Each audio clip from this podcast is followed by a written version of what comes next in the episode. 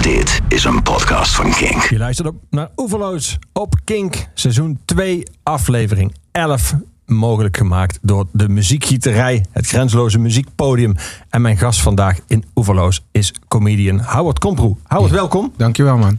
Uh, normaal zeg ik niet erbij welke dag we opnemen. Maar omdat uh, het nieuws zo snel verandert, zeg ik er even bij dat deze Oeverloos, die van 29 maart, dat wij die opnemen op 25 maart. Dus misschien als morgen opeens het hele virus is opgelost door Trump bijvoorbeeld. Ja, die kan dat. Die kan dat namelijk. Dan uh, is een deel van wat wij nu zeggen meteen achterhaald. Maar dan weten mensen niet ja, wel. Of dat iedereen dood is en dat dit dan nog een soort na zo'n soort uh, ja, ding achterblijft. Weet ja, je wel? Het, het, het, hele lange grafschrift van Howard Komproe. Waar luisteren ze naar tijdens corona? Ja. Um, ik heb jou een dik jaar geleden uh, geïnterviewd voor het blad Nieuwe Revue. En toen vroeg ik aan jou, uh, als jij niet uh, optreedt een tijdje, wat gebeurt er dan? En toen antwoordde jij, in eerste instantie ga ik heel erg in mijn hoofd zitten. En in tweede instantie word ik een vervelend mens voor mijn omgeving. Ik moet het kwijt kunnen. Mm.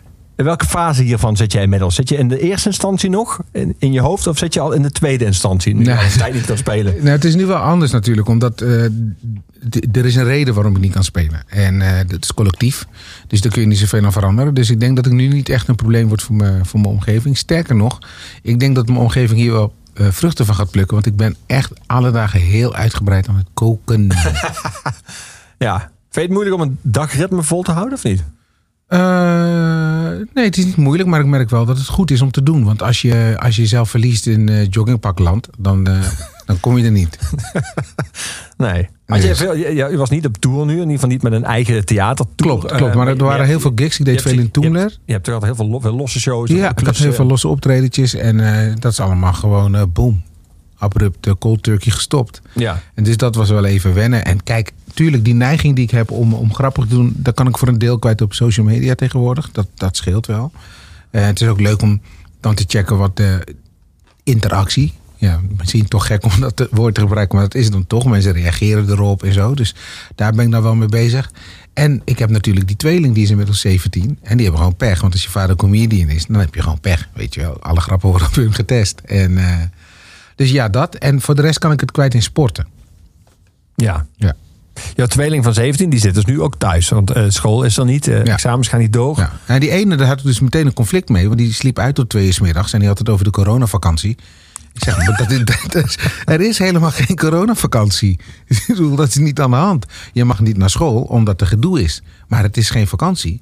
En die school moest zelf ook nog even zoeken hoe ze dat nou gingen doen. En deze week zijn ze begonnen met lesgeven aan, uh, aan alle leerlingen via een online platform. Dat was de eerste week nog niet echt uh, opgetuigd. Werd jij dan de eerste week geacht zeg maar, zelf de leraar te zijn? Moest jij dan de opdrachten geven? Nee, ze zitten ook op creatieve opleidingen. De een doet media en redactie en de ander doet eventorganisatie. Dus ik kan wel zeggen, nou we gaan nu een event organiseren en jij maakt een flyer. Maar dat heeft geen zin.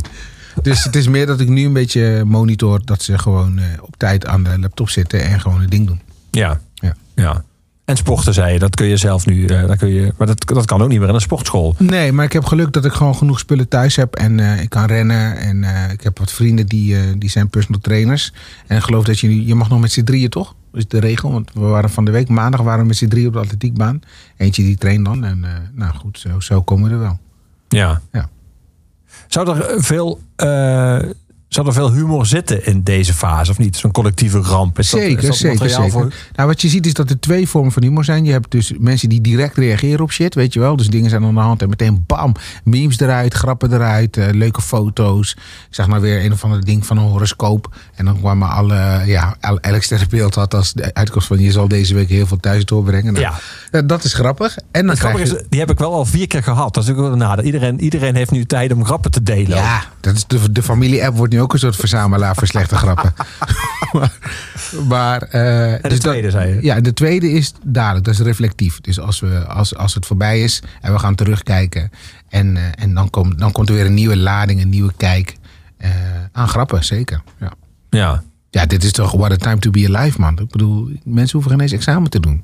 Weet je, dat alleen al, daar zit zoveel humor in. Want het, dat kan je leiden naar je eigen middelbare schooltijd. Dus het, het opent deuren om uh, over van alles weer uh, los te kunnen gaan. Op ja. het podium dadelijk. Ik kan me wel voorstellen voor jou als comedian dat het heel. Natuurlijk kun je van deel dingen online kwijt. Je kan dingen opschrijven en onthouden. Die kun je dan straks gebruiken in je volgende show of als je weer aan het doen staat. Maar ik kan me ook voorstellen dat het juist heel erg nu eh, bijna brand van binnen om nu op een podium te staan en dit te benoemen. En nu met, met het publiek voor je daarmee. Nou, te- dat zie je ook gebeuren. Mensen gaan live. Eh, eh, Casper van der Laan had gisteren het Comedy Train eh, online ding overgenomen. Ik weet dat Roué en Jandino die gaan vaak gezamenlijk live. Ze hadden mij nog gebeld van de week. Dus als je die behoefte hebt, dan kun je daar ook wel aan toegeven. Er zijn veel mensen die dus gebruik maken van dat live. En dat is dan wel de oplossing daarvoor. Ja. Maar zelfs dan mis je natuurlijk, dan, zitten, dan weet je dan, dat zie je dan op je scherm, dat er 592 mensen in een huiskamer hopelijk zitten te lachen. En die zitten Ja. dan een lachende smiley op je scherm. Maar je hoort natuurlijk niet wat jij normaal in een zaal hebt. Nee, maar ja, dat is dan roeien met de riemen die je hebt, toch? Kijk, als je echt de behoefte hebt om het nu eruit te gooien, dan is dit de vorm. Ja, Ja. ja.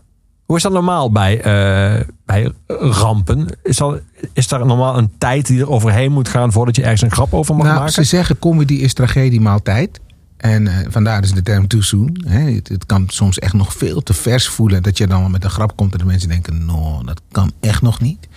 Eh, Ik denk dat dat te maken heeft met een aantal factoren. Hoe groot is de ramp? Hoe dichtbij is de ramp? Dingen die ver van ons afstaan... daar zijn we geneigd sneller eh, grappen over te maken. En als, het, als jij iemand kent die, eh, die er iets mee te maken heeft... dan ga jij al snel vinden van... nee, maar dat kan nog niet.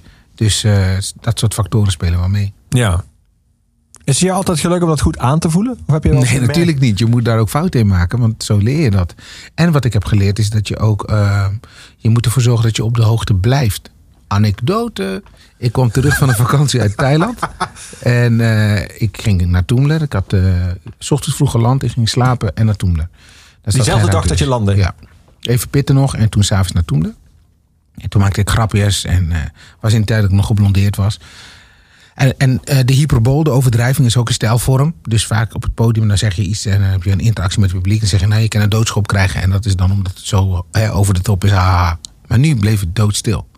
Ik zei, hoe? Wat is er aan de hand? Ja, eh, je, je had het over een doodschop. Ik zei, ja, nou, eh, maakt het uit. En toen riep iemand, voetboogsteeg. En ik wist van niks. Ik denk, gaan we nou straatnamen noemen, joh? De Dam, Marktplein, De Munt, wat is er aan de hand? Maar die hele zaal wist iets wat ik niet wist. Dus collectieve stilte, mensen met armen over elkaar, keken weg.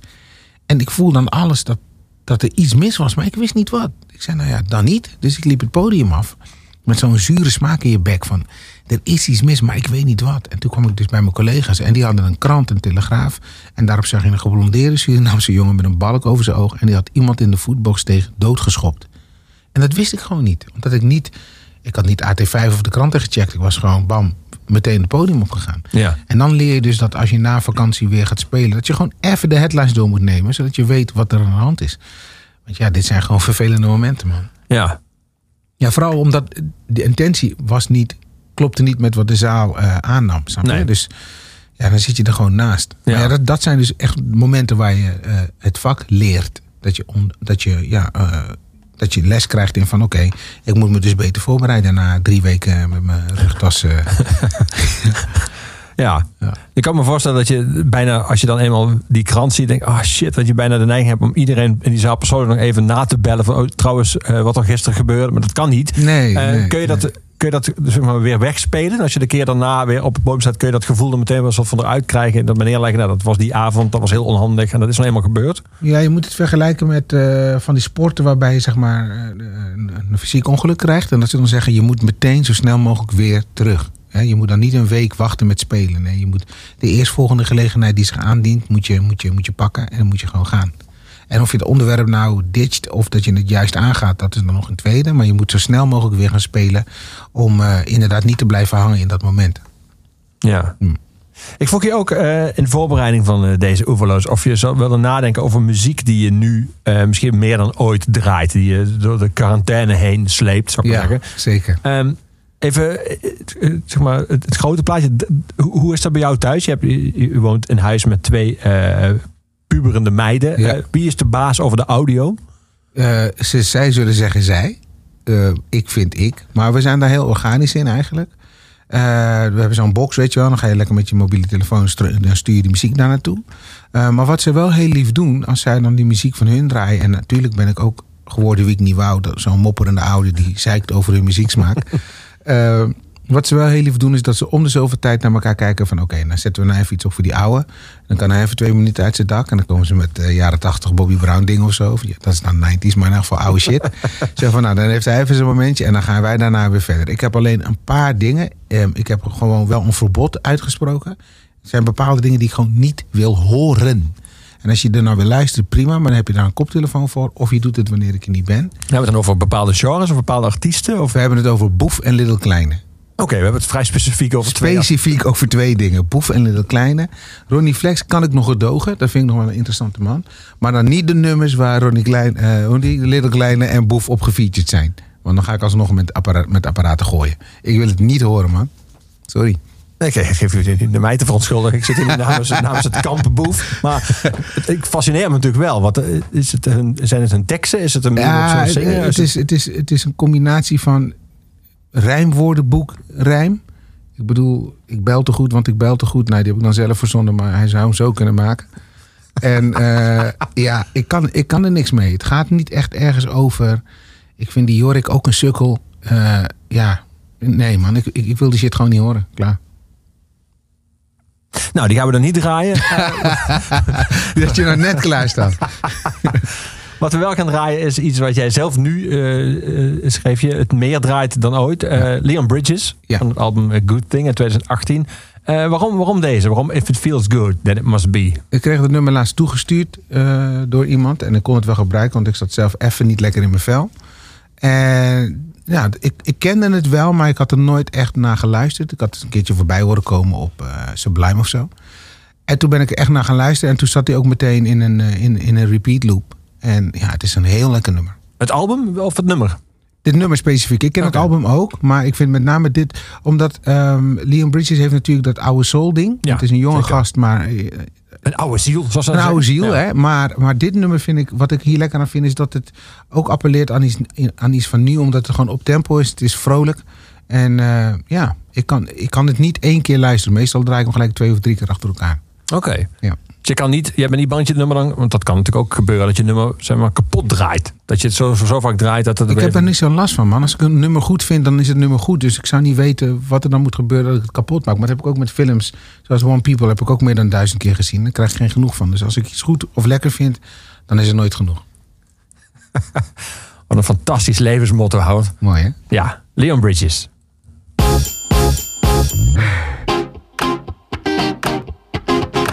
Live from the funk, it's hotter than Texas. Right from the jump, yeah, you got my attention.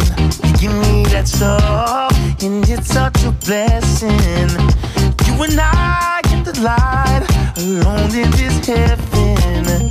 Oh,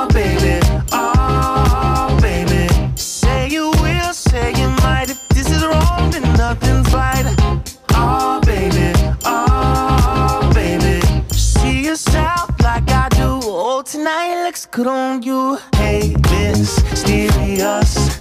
We don't have to act so seriously. Like nobody's watching. Only us.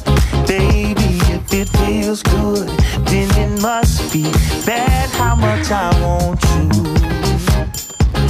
Baby, if it feels good, then it must be bad how much I want you. More than I choose to. I'm falling huh?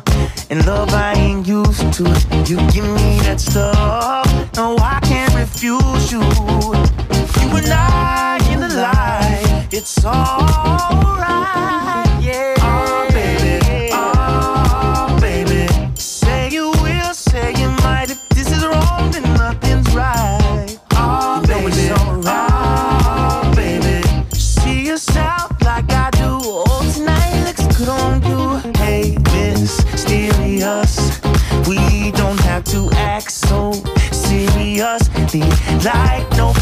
watching.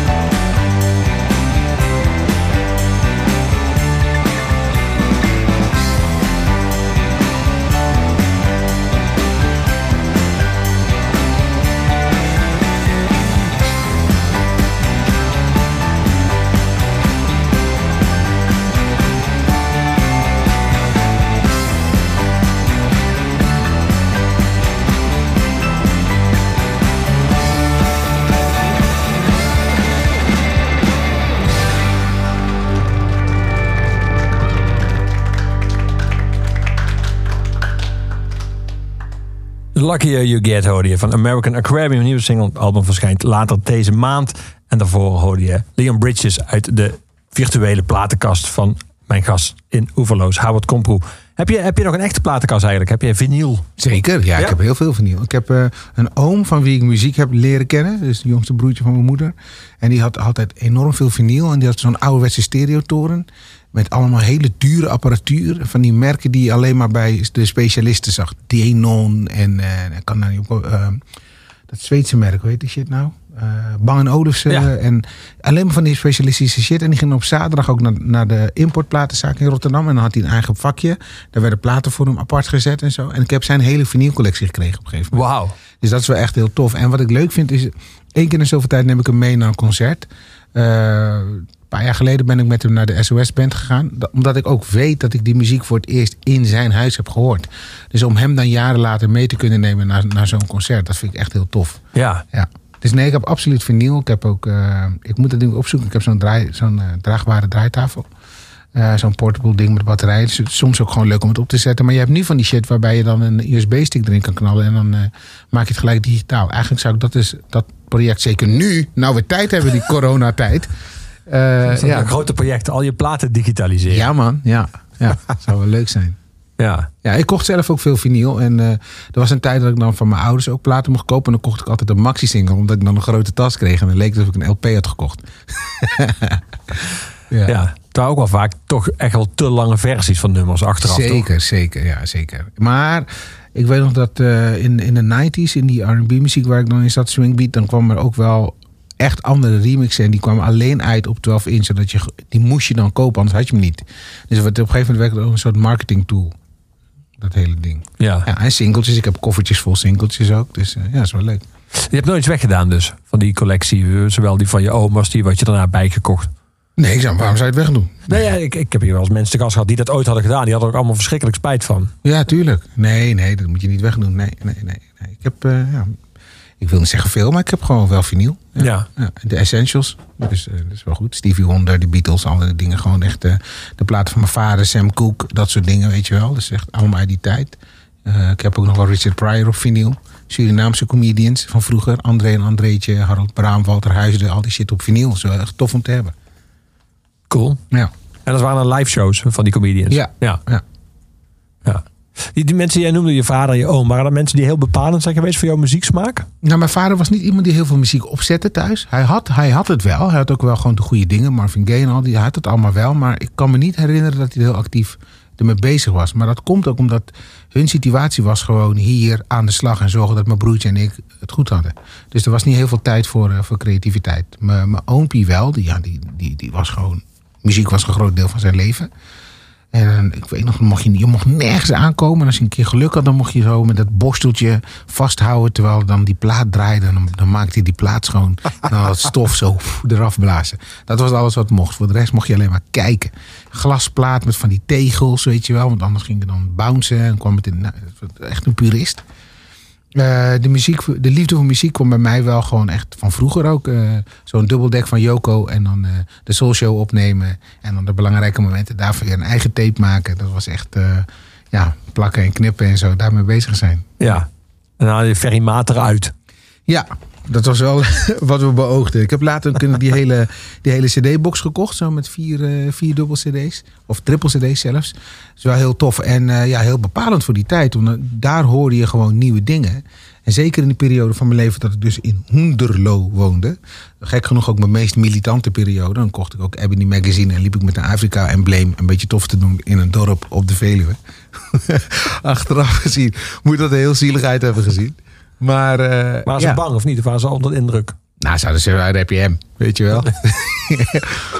Allebei niet dus. nee, dan heb je hem, dat is het enige. En, eh, maar dan had je dus ook eh bar dancing de piramide. En die werd ook altijd opgenoemd in het rijtje bij Top Op, weet je wel. Eh, Met bar dancing in Skopje en eh, die ene tent in eh, weet ik veel waar. En, ehm, en daar kwam op een gegeven moment Alison Williams optreden. En die had een hele grote hit met Street Talk, Sleep Talk. En het was een, eh, was niet direct swingbeat, maar het was wel gewoon echt wel black music.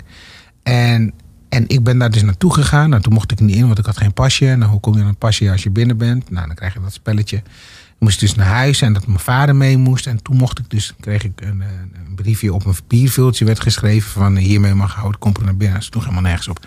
Maar dan ben je dus binnen en die Was vrouw ook op tijd? ja, die vrouw kwam optreden en die vroeg op een gegeven moment: Is er any black people? Dus ik werd door het publiek een beetje naar voren geduwd van ja, hier heb je hem. En toen zei ze: Brother, can you dance? En ik zei: "Eh, Denk ik, ja. En toen deed ze de Running Man, wat toen die move was, op de naald hakken in de skibroek. Ik zal het nooit vergeten.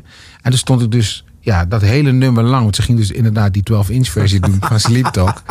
Stond ik daar buiten adem, wil je niet laten merken, pijn in je mild. Stond ik daar een beetje de running man te doen naast Alison Williams. En er waren geen mobiels, weet je wel. Dus nu zeggen mensen foto or it didn't happen. Maar het is echt gebeurd. Ik was de enige blakke man in die tent. Zij haalde me naar voren. En ik moest 20 minuten lang de running man doen. Echt Verschrikkelijk. Maar ja, was het, was het publiek enthousiast? Nee man, die gasten waren alleen maar bezig met een meter bier en dat soort onzin. Dus ja, er was helemaal niemand mee bezig. En die tours die werden natuurlijk weggezet door Jan Vis. En die, ja, die wilde gewoon veel, veel gigs. En ik heb daar... eh, eh, oh shit, nou word ik oud. Kan ik het... eh, eh, somebody Else's Guy, Jocelyn Brown. Die heb ik daar ook gezien. En er kwamen best wel veel... Die werden allemaal in die club, die discotheek geboekt. Ja, want die, want die Jan Vis zette gewoon zo'n toertje weg. En eh, ja, dit is al die mensen die kwamen daar. En als ik dan naar binnen mocht van die jongens bij de deur, dan had ik mazzel. Ja, dat was wel leuk. Ja. Die, die euforie van eh, die platen horen bij je oom of zo- zo'n optreden waar je dan niet naar binnen mag en dan snel naar huis en dan toch wel. is dat onlosmakelijk verbonden met gewoon eh, jong zijn en met je jeugd? Of kun je nog steeds af en toe muziek horen waarbij je een soort opwinding voelt die lijkt op die opwinding? Ja, dat is Ja? zeker. Dat heeft muziek absoluut eh, dat effect op mij. Ik kan enorm genieten van obscure shit ook. Eh, ik ben heel erg eh, groot fan van een bepaalde muziekstijl die uit Londen komt. Noemen ze Broken Beats. Ehm, en 2000 Black is eh, een, een leidende, eh, ja, is een groep, maar een soort movement daarin. Dat was eind jaren 90 was het heel populair. Had je Box in the Attic en je had For Hero en je had Katie Tatum en je had eh, Silhouette Brown en eh, Afronaut en allemaal gasten die echt in die muziekstroming aan het knallen waren. En dat kwam vanuit Londen en dat was een hele brutale muzieksoort die een beetje neigt naar drum en bass als je het aan een leek moet uitleggen. Maar het is eh, veel energieker dan dat. En ik weet dat ik, eh, als ik op een feestje ben en het zijn jongens die die muziek draaien, dan, dan word ik echt gek. Dan ga ik echt de dansvloer op en dan eh, volgende dag dan maar spierpijn. Maar dan moeten we eraan. Ja. Ja. Ja. Dat, dat slijt niet op zich. Nee. Enthousiasme Nee, voor. nee, zeker niet. En ik heb natuurlijk 15 jaar het hoofdpodium van Noordse Jazz gepresenteerd. En daar heb ik ook van alles van dichtbij gezien. En best wel verwend geraakt. Maar ook daar, als, als je dan aan de zijkant van een concert van Chaka Khan mag staan. En je ziet haar gewoon met de 61 eh, die tent op zijn kop zetten. Ja, dat blijft gewoon waanzinnig om dat mee te maken. En dat geeft gewoon een kick voor life. Dus als ik dan later thuis een eh, wat minder bekende hit van haar opzet. Of als ik een keer ergens een DJ-gig heb.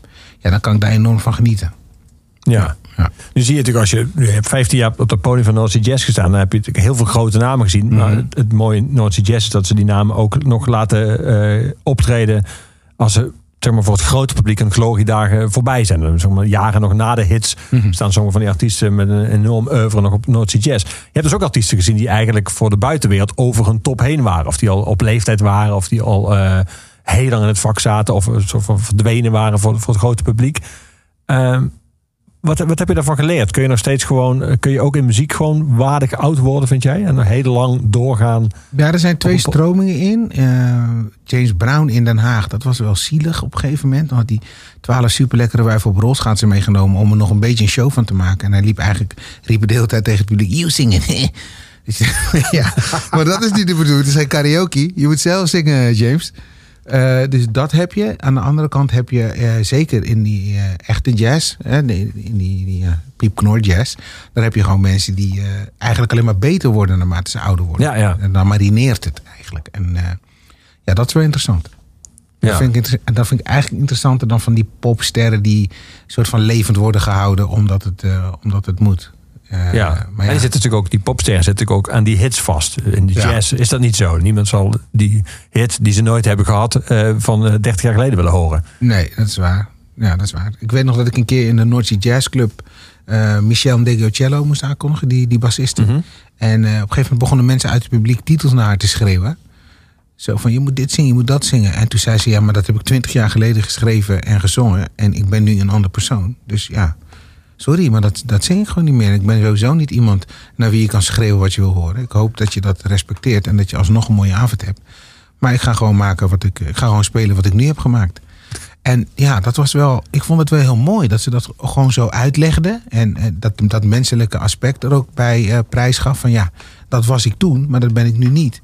En ik snap wel dat je dat wil horen, maar ik ga het gewoon niet doen, man. ja, dat vond ik wel tof. Ja, Inspirerend. ja.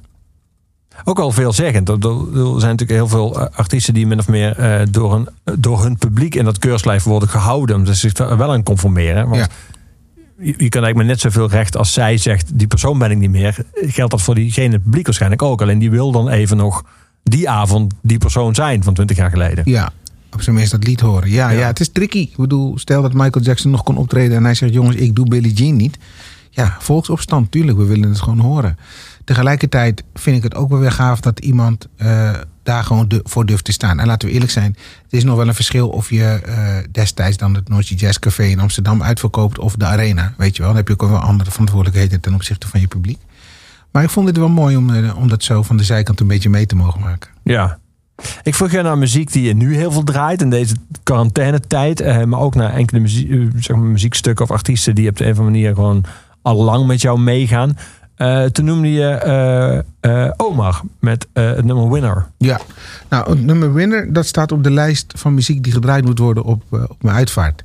En dat vinden mensen vaak een raar, raar ding om het over te hebben. Maar ik vind dat heel belangrijk. Want het laatste wat je wil is dat ze Celine Dion gaan opzetten. Eh, en eh, de, eh, anekdote. Ik moest hem aankondigen. Wil je in- jingle maken anders met dat woord? ik moest hem aankondigen in Club Bird in Rotterdam. Daar deed hij een gig. En van tevoren had ik met hem gesproken.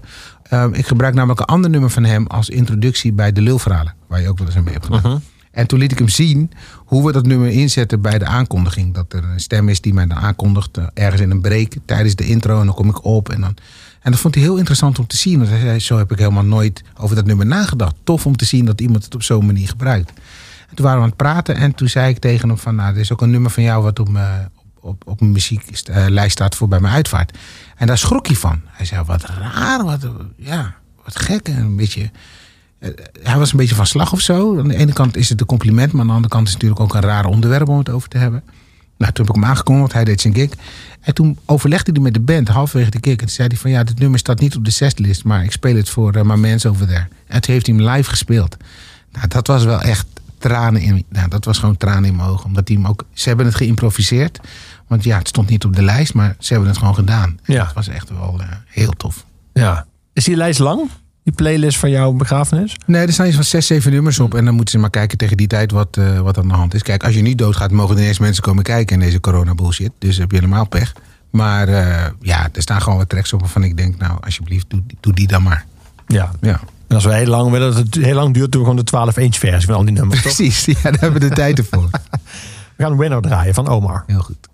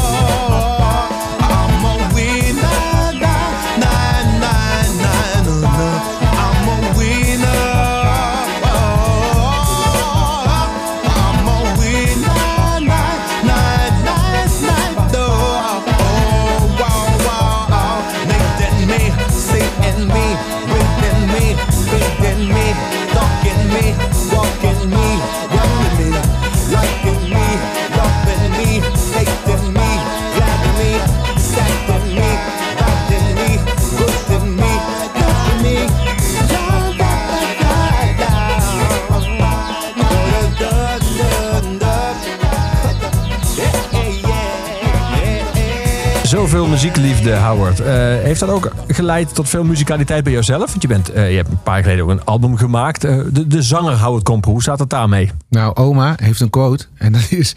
Howard houdt van zingen, maar zingen houdt niet van Howard. Dus ja, dat, dan zijn we snel klaar. Ik hou, de- ik hou echt enorm van zingen. Hè? Ik Ja. vind het echt heel leuk om te doen. Maar zodra ik begin te zingen, dan hoor ik... En, en gedoe. En vroeger toen ik nog bij mijn ouders woonde en we hadden die hond. Dan kwam zelfs die hond, die kwam aangelopen en die keek naar mij van... Kun je alsjeblieft je bek houden? Mensen willen gewoon niet dat ik zing. Maar ik vind zelf niks leukers dan dat. En ik haal het ook allemaal, vind ik. Qua toon. Maar goed, ik beperk me tot de badkamer en eh, mijn eigen kamer... als mensen er geen last van hebben. Maar wat is het dan? Misschudden zit je gewoon? Ja, waarschijnlijk wel. Nou, kijk, Of- of- ik, ik of- hoor het niet. Ik werd vroeger in de klas ook de klas uitgestuurd of ik mocht wat anders doen. Ik ben toondoof of zo, dus ik hoor het niet. Dus ik ga wel in mijn enthousiasme. Maar iedereen omheen is iets van, hè, wat? dus ik moet het gewoon niet doen. Ja. Had jij snel door dat comedy helemaal jouw uitlaatklep was? Nou ja, eh, acht was ik toen, ik- toen ik daarachter kwam. Dus Dat vind ik volgens vrij mij- Ja, ja, ja, veel verhuisd. En eh, comedy werd op een gegeven moment mijn overlevingsstrategie op nieuwe plekken. Eh, en daarnaast vind ik lachen gewoon heel leuk om te doen. En ik vind het heel leuk om in situaties de humor op te zoeken. Maar doordat ik steeds in een nieuwe klas kwam, had ik wel door dat ik mezelf met humor eh, overeind kon houden. Want jullie verhuisden vaak in die tijd. Wij verhuisden vaak, maar ik had ook een ding met scholen. dus ik moest vaak naar een nieuwe klas of een nieuwe school. En eh, ja, dan, dan hielp het gewoon als je humor, eh, als ik humor kon inzetten. Ja. Want dan, dan eh, durven mensen je niks aan te doen. Omdat je weet dat jij jouw, jouw, zeg maar, jouw eh, tong scherper is. Het Weet ik niet. Wat ik deed is de eerste twee weken gewoon niet praten. Gewoon alleen maar een beetje kijken. Want ik vind opmerkzaamheid is je grootste goed als comedian. Die dingen moeten je opvallen. Dus ik keek gewoon. En als je nieuw bent en je praat niet, dan ben je een soort rariteit. En Maar de eerste die erop afkomen zijn de meiden. Die komen een beetje om je heen snuffelen en kijken wat is er aan de hand. En dan moet je gewoon volhouden om niks te zeggen. Tot het irritatie oplevert. En dan vlak wanneer de grootste jongen je in elkaar wil komen slaan, dan doe je een imitatie van de meest gehate leraar. Of iets wat op dat moment eh, ja, in zwang is, in de mode is. En dan heb je en de chicks en een bodyguard. En dan ben je er gewoon. Ja. Ja, zo deed ik dat. En later, toen ik naar de middelbare scholen ging, was het gewoon ook een manier om eh, je te kunnen onderscheiden. Uh, iedereen is zo zichzelf aan het zoeken. En ja, being the, the guy eh, met, met de grapjes en de humor, dat werkt wel. ja. Dus voor mij was het ook echt noodzakelijk dat ik mijn beroep van heb gemaakt. Want anders zou ik die, die nood, die, die noden, die zou ik op, op allerlei andere manieren etaleren. En dan zou het maar alleen maar in de weg staan. ja. Dus zodoende. Kun je het uitzetten? Of heb je in elke situatie de neiging om te meteen in je hoofd te bedenken wat hier een grap uit zou kunnen volgen? Of, Eh, laat ik het zo zeggen, het wordt steeds beter beheersbaar. Maar dat is gewoon, dat komt met de leeftijd. Dus dat je door hebt van oké, ik moet nu niet zeggen wat ik denk. Want dan is het olie op het vuur. Eh, dus je, kan, je kunt er steeds beter mee omgaan. Kanaliseren. ja. Ja. Het was een tijd lang natuurlijk een soort van motto, ook in de politiek. Pim van Tuin zei dat ik zeg wat ik denk. En dan was, gingen mensen dat overnemen. Was Ja. het idee dat eerlijkheid altijd, overal, dat dat, dat dat de beste manier is om je door het leven heen te werken. Overal gewoon zeggen wat je denkt. Maar dat zou in jouw geval dus Nee, waarschijnlijk je, niet, je, je niet weet altijd wat- goed zijn gevallen. Nee, je weet dat dat zo niet werkt. Je weet dat dat zo niet werkt. Maar het fijn is dat ik dat podium heb. En daar kan ik mijn eigen realiteit creëren voor een minuutje of 15, 20. En als ik een one-man show maak, een avondvullend programma. Ja, Dus daar kan ik dan gewoon mijn eigen ding doen. En dat is wel heel fijn. ja. Ja. Zijn er veel amateurpsychologen in jouw leven op je afgestapt die zeiden dat jij waarschijnlijk alles weglacht? Dat is dan wat altijd aan mensen kleeft die heel grappig zijn. Dat mensen weer Dat denken, heb ik ja, niet vaak gehoord. Maar ik denk, ook, denk ook niet dat het aan de hand is. Ik denk juist dat je soms dingen ook kan verlachen. Dus in plaats van weglachen kun je ze verlachen. En die humor gebruiken als therapie. En dat heeft niet altijd te maken met dat je het dan blokt of zo. Want om, om er grappen over te maken betekent dat je er juist heel, heel erg mee bezig bent. En dat je het onderzoekt en dat je het van verschillende perspectieven probeert te zien. En eh, dus nee, dat heb ik niet vaak gehoord. Nee. Schrijf je alles uit wat jij eh, aan grappen maakt? Of blijven ze in jouw hoofd gewoon? Het zijn vooral steekwoorden en momenten. Eh, ik heb dat wel geprobeerd, dat uitschrijven, maar dan ga ik ineens woorden als immers gebruiken. Schrijftaal dus. Ja, ik ga echt heel erg schrijftaal, maar ik hou ook van lezen. Dus op het moment dat ik eh, ga schrijven, dan gaat er in mijn hoofd iets aan waardoor ik denk dat ik ook moet gaan schrijven alsof het gelezen wordt. Terwijl het is, het is praten. Dus eh, wat veel beter werkt is dat ik het inspreek op een dictafoon en dan uitwerk. Dan wordt het al een stuk realer van. Maar eh, het werkt voor mij gewoon niet zo. En eh, ik heb collega's die, die, die sferen bij uitschrijven. Tot, zelfs pauzes en intonatie en zo. Maar voor mij werkt het niet. Voor mij werkt het als het levend blijft. Dus als het om een, om een steekwoord gaat of een situatie of een gedachte. En dan kan ik ermee aan de slag. Ja. Ja. Dat betekent ook als je niet alles uitschrijft, dat je dus heel goed moet kunnen onthouden. Ja, Ben je daar goed in? Dat denk ik wel. Ja. ja. Ze noemen me de olifant. Dat heeft niks met mijn piemel te maken.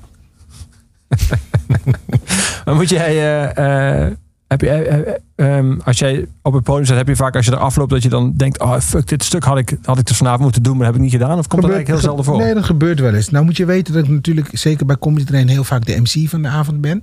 Dus dan ben je al in dienst van de show. Eh, dus dan gaat het niet zozeer om wat je zelf zou willen vertellen, maar meer dat je ervoor zorgt dat de comedians in de juiste sfeer terechtkomen. Eh, maar dat gebeurt, ja, dat gebeurt. Dat je soms denkt, ah, shit, ik had het overdag had ik dat in mijn hoofd ja, gereserveerd en zeg maar voorin gezet. En dan op die avond gebeuren allemaal dingen en dan doe ik het niet. Ja, dan moet ik nou maar wachten op de volgende gelegenheid die zich voordoet. Ja, dat soort dingen die komen voor. Ja, wat is de truc om te onthouden in jouw geval? Nou ja, kijk, je kan wel geforceerd gaan doen wat ik die avond, wat ik overdag bedacht had om te gaan doen. Maar als er die avond iets gebeurt wat eh, prioriteit is, wat, wat in het hier en nu is, dan sla ik eigenlijk de plank mis als ik datgene ga doen wat ik bedacht had om te doen. De truc is om de zaal er op een dusdanige manier bij te betrekken dat zij het gevoel hebben dat je het ter plekke bedenkt. Dat je de aanleiding om het te vertellen laat ontstaan op dat moment. Maar dat kan niet altijd. Dus soms is het ook een kwestie van wat je van tevoren hebt gereserveerd, gewoon even on hold. Omdat nu gebeurt er iets wat zo crazy is, dan gaan we daarmee rennen. Dus eh, ja, ik, denk dat dat ook allemaal wel te maken heeft met ouder worden en rijpen in het vak. Dat je daar gewoon wat makkelijker aan, eh, aan toe kan geven. Want het heeft ook niet zo'n zin. Stel nou dat het op zaterdag gebeurt, dan moet je wachten tot volgende week woensdag, donderdag voor je weer op kan. Dat zou betekenen dat je al die dagen met een soort verbitterde bek zit omdat je een grapje niet hebt kunnen doen. Ja, dat is het ook niet waard. Nee. Had je dat vroeger meer? Ja, ja. omdat je dan wat meer gedreven bent. En eh, ja, als je wat jonger bent, heb je wat minder geduld, heb je wat meer haast, heb je wat meer bedrijfsdrang en bewijsdrang. En eh, daar had ik wel, wel eens last van. Ja. Ja. Chris McClenny gaan we draaien. Ehm Redbone heet het nummer. Het is een live versie. eh, in, in een lege studio. Een soort corona quarantaine tijd opgenomen. Want Ja. eh, dat, dat gebeurt bij Spotify wel eens. Dat, dat, dat er gewoon eh, artiesten in een studio zetten voor de rest geen publiek is. Of heel weinig publiek. Eh, het is een cover hè? ja. ja wat, kijk, ik vind, ik vind covers eigenlijk een heel interessant gegeven. Omdat, eh, wat, is jouw aan, wat is jouw reden om een, een lied van een ander te doen? Ik heb heel erg getwijfeld tussen deze en nog een andere. Ik weet niet of we misschien extra tijd hebben om nog een spontaantje erin te, te gooien. Maar wat ik heel interessant vind zijn covers die eigenlijk het origineel doen vergeten. En in sommige gevallen zelfs beter zijn. Ehm, ik weet dat Alan Stone een cover heeft gemaakt van eh Now You're Just Somebody That I Used To Know. En die versie van hem blaast het origineel gewoon helemaal weg. Dat je denkt, volgens mij als je, die, die, als je eh, die originele artiest bent en je hoort die versie, dat je denkt, oh, oké. En dat is met dit nummer ook. Nou, Trent Reznor van Nine Inch Nails heeft dat natuurlijk met Hurt. Van Johnny, Johnny Cash versie van Hurt is veel bekender. Ja. En die heeft wel eens een interview gezegd dat hij in eerste instantie een soort van geïntimideerd was. En daarna ook een beetje verbitterd. En daarna dacht ik, nee, dit is eigenlijk gewoon perfect zo. Weet Ja, je? toch? Dat- dat- Hij moest er wel, het duurde wel even voordat hij zich erop neer kon leggen dat een van zijn eigen beste nummers nog beter was gemaakt door iemand anders. Ja, ja, dat snap ik wel. Dat is natuurlijk, dan moet je even door wat stadia heen. Ja. Eh, en dit nummer, deze versie van McClenny, wat ik hier zo interessant aan vind, is dat het origineel is zo mooi. En het is zo'n verwijzing naar die oude stijl. Het komt ook terug in eh, playlists eh, van waar Prince muziek centraal in staat, omdat het daar heel erg aan appelleert. Maar dat hoor je nu in deze versie van McClenny helemaal niet meer. Hij heeft er gewoon een funky jam van gemaakt. En eh, ik vind dat hij op een hele mooie manier de clichés van een funky cover net niet raakt. Dus hij blijft er net van weg, waardoor het heel erg op zichzelf blijft staan. Dat, vind ik, dat, dat is wat ik er zo mooi aan vind.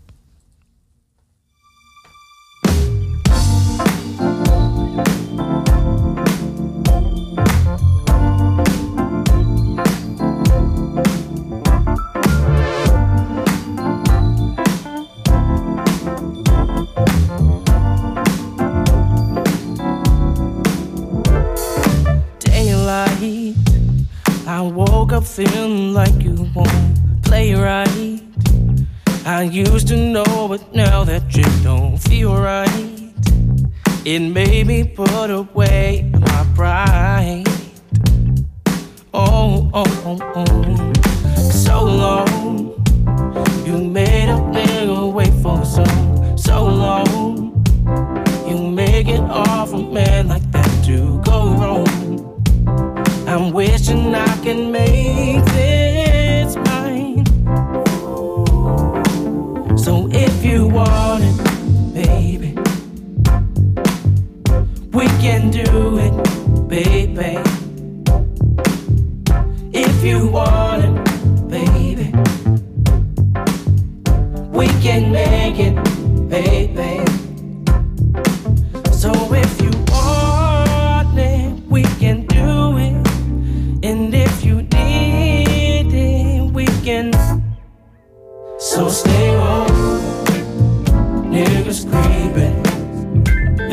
Find you, gon' catch you sleeping. Ooh, stay home, niggas creeping. And if you close your eyes, too late. You wanna make it right, but now it's too late. My peanut butter chocolate cup with Kool-Aid. I'm trying not to waste my So if you want it, baby, we can do it, baby. If you want it, baby, we can make it,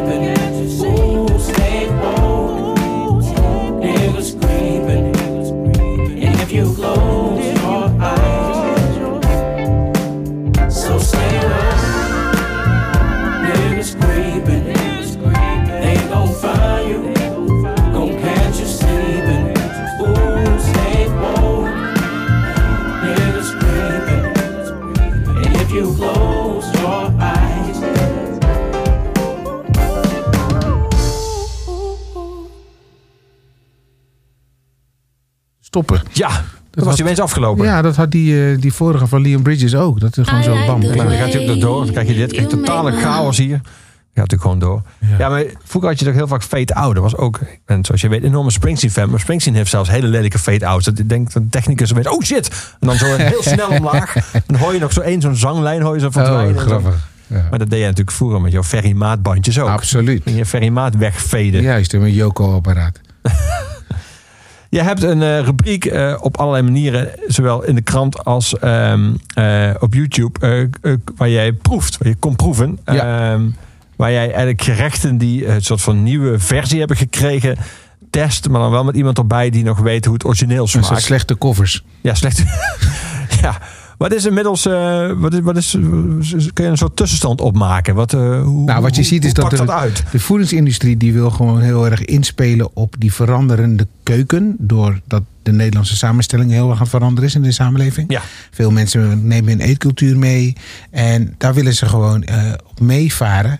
Maar de fout die ze doen is dat, dat er niet. De mensen waar het om gaat, worden er te weinig bij betrokken.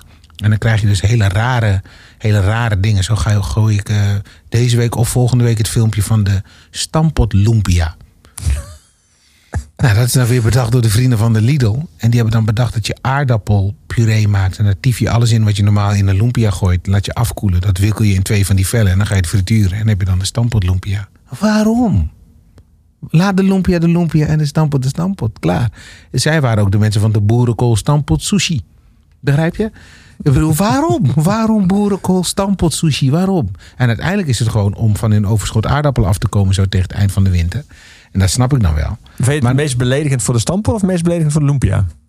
Eh, ik vind het beledigend voor, voor nog veel meer mensen. Voor nog veel meer dingen dan die twee alleen. En als je het over beledigen hebt, dan is de Surinaamse bananenketchup. Die sloeg natuurlijk alles. Vooral vanwege die tagline. Volgens authentiek recept. Dat ik die mensen heb gebeld van... Ik ben al bijna 50 jaar Surinamer. Over welk authentiek recept hebben jullie het? Oma is er nu aan het omdraaien ergens in een kist. Dit kan helemaal niet. Surinaamse bananenketchup? We willen het niet. Ja, nee, maar het, past zo mooi bij de smaken van de Surinaamse barbecue... dat we hebben bedacht dat we het toevoegen aan de Surinaamse keuken. Hoe dan? Ik bedoel, dat is heftig. Dat is heftig dat je gewoon eigenhandig besluit iets ergens aan toe te voegen terwijl niemand wil het. Bananenketchup? Waarom?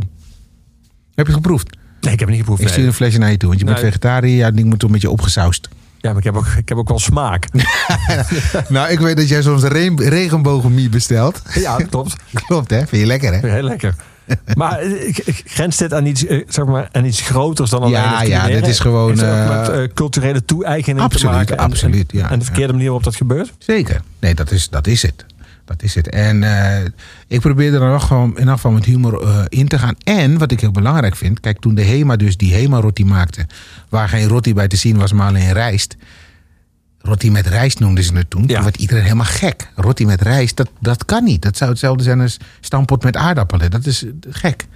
Maar niemand had het geproefd. En ik vind wel, je moet wel ook proeven, want dan weet je waar je het over hebt. En natuurlijk was het niet te vreten. Maar ja, het, eh, het levert ook leuke filmpjes op. Ja. Ja, Je hebt je laatst ook eh, babyvoedsel zitten eten. ja maar die hadden dus een potje olfariet met Surinaamse kip. Ja, kom op. Weet je wel, hoe ver gaan we dan? Dus heb ik een paar peuters erbij gehaald. En een van die peuters, peuters die, die roerde een beetje door het papje heen. En die zei, dit is niet kip. Want hij, hij herkende helemaal niks van kip. Hij zag geen botjes, hij zag niks. Dus ja, zoiets van, ze zit hem in de maling te nemen. Die heeft het ook niet geproefd. We kregen het er niet in bij hem. Maar er waren andere kinderen die, die vraten het gewoon op. Maar dat zijn gewoon van die kinderen. maakt niet uit wat je neer, eh, neerzet. Ze vreten het op. Maar er was ook een jongen die je zag echt dat zijn voorouderen hem in bescherming namen. En die was alleen maar aan het kreunen en aan het miepen. En die heeft zijn mond gewoon niet open gedaan. We kregen het er niet in geschroefd. dat is dan ook wel weer mooi. Ja. Maar jij hebt het zelf ook geproefd. Ja, tuurlijk. Ik bedoel, ik moet dan ook proeven. Maar ja, kijk, die babypotjes zijn sowieso heel zuur van smaak. Ja, dit is dan ge- ge- ge- ja, niet eens meer geplozen. Het zijn een soort fragmenten. ja. En hoe Surinaams is dat dan, weet je wel? Omdat ze dan toevallig een druppeltje ketchup erover hebben geflikkerd. En dan noemen ze het in één keer Surinaamse kip. Ja, dat werkt zo niet. Nee. Maar werkt het altijd niet? Of zijn er ook voorbeelden denkbaar? Nee, er zijn, dingen, er zijn dingen die goed gelukt zijn. Eh, pom is een bekend recept in de Surinaamse keuken. En daar zijn mensen altijd heel erg spastisch over. Want je kan niet zomaar i- iedereen's pom eten. En al helemaal niet op straat. Dat wil zeggen in een tentje of in een restaurant. En nu is er ineens diepvriespom. Kant-en-klare pom, magnetron, ping, klaar. Dus ja, is iets van, wat? Dat kan niet lekker zijn. En dat heb ik met eh Jetty Maturé geproefd. En wat bleek, het is gewoon heel erg lekker. Dus ja, daar moet je dan ook eerlijk in zijn. En dat is wel wat ik nastreef. Kom proeven is geen afzeikprogramma. Ik ben altijd heel eerlijk. Is het lekker, is het lekker. Is het niet lekker? Nou, dan is het niet lekker. Ja. Ja, Jullie waren verbaasd toen de, we waren die- die- aangenaam verrast. toen de Ja, magnetron eh, open gingen. ja. Nou ja, dus dan proef je en denk je, oké, dit smaakt gewoon echt heel lekker. Ja. Ja, dat kan. Dat kan. Ja, Richie gaan we draaien. cool. Eh, kun je eens vertellen wat het nummer in jouw leven betekent? Ja, mijn kinderen draaiden dus de hele dag. dit, En, mag, dit eh, mag wel. Eh, nou ja, kijk, Mahalia is wel een interessante artieste. Eh, eigenlijk zet ze een soort lijn in die voor mij dan eh, voortborduurt op het werk van iemand als Mary J. Blige. Ehm, en eh, zij, zij draaide die muziek. Maar je zal horen dat er in die beat, dat is dus waar ik het net over had. Het appelleert aan die breakbeats, aan die broken beats waar ik het over heb. Het is niet een voor de hand liggende R&B-tune. Nee, eh, het is best wel spannend gemaakt. En eh, dus toen vroeg ik aan hun, wist dit? En toen keken ze elkaar zo van, yes, we hebben hem. Hij vindt die stof wat wij hebben opgezet. En sindsdien eh, zingen we dit met z'n drietjes luidkeels mee. Ja, jij mag wel meezingen dan in dit geval. Ja, als ik maar niet, eh, niet te enthousiast ga doen. Maar je vertelde in het begin hoe, hoe jij zelf vroeger aan nieuwe muziek kwam. Eh, je vader, vooral je oom met zijn stereotoren. Hoe gaat dat bij jouw kinderen dan? Want dit komt dan op hun playlist terecht. Je hoort dat langskomen. Hoe is het daar opgekomen? Ik denk Spotify en die algoritmes, dat is een beetje hoe dat werkt tegenwoordig. Als je, nou, ze vinden dit dan tof en dan krijgen suggesties van, nou, als je dit leuk vindt, dan luister je misschien ook naar dat. En zo ontwikkelt zich dat. Eh, ze gaan ook veel naar concerten. En wat ik heel, wat ik eigenlijk wel een soort van trots op ben, ze hebben zelfstandig, zonder dat ik ze dat heb toege, aangereikt, hebben ze een eh, gewo- gewoonte ontwikkeld om altijd een tour t-shirt te kopen. eh, bij de merchandise stand. Dus het is heel grappig dat je dus in hun dagelijkse kleding ook kan zien wat hun muzikale stijl is. Ja, En eh, natuurlijk hoef ik het niet met alles eens te zijn, dat hoort ook zo. Maar het is wel leuk dat ze dat op deze manier doen. cool. En ook daarvoor gaat hetzelfde, vind ik trouwens. Nooit weggooien. T-shirts. Absoluut, helemaal mee eens.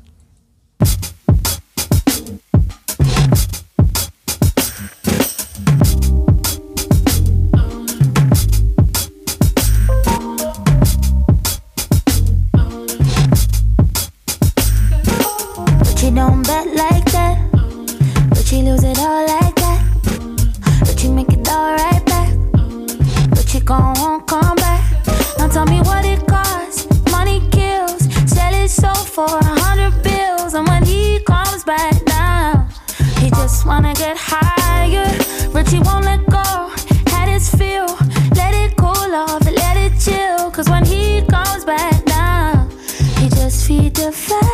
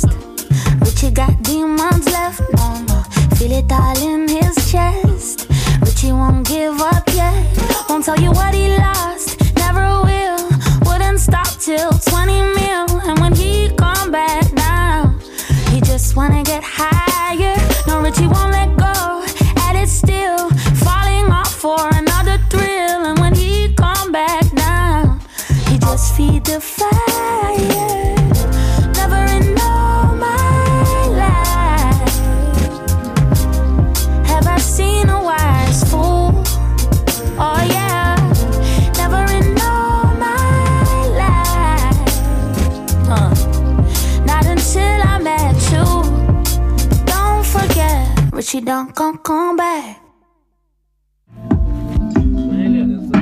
Where's mine? He's been lips in it, bastard. Fucking lips in it. You've been lips in it, bastard's got your name on. I say, I say, you do too much, I talk too much, I give me too much love. Excuses, excuses, I'll eat the loss, I go the dust, I pour the jet love, but excuses, excuses.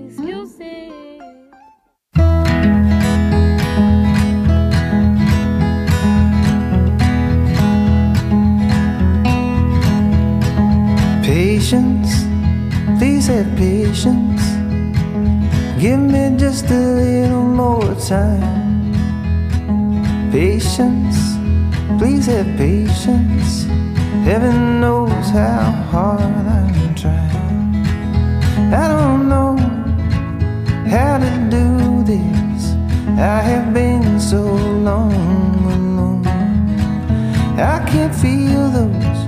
storm clouds rolling. I ain't got those kind of bones. So patience, please have patience. Can you give me just a little more time? Patience, please have patience. Heaven knows how hard I'm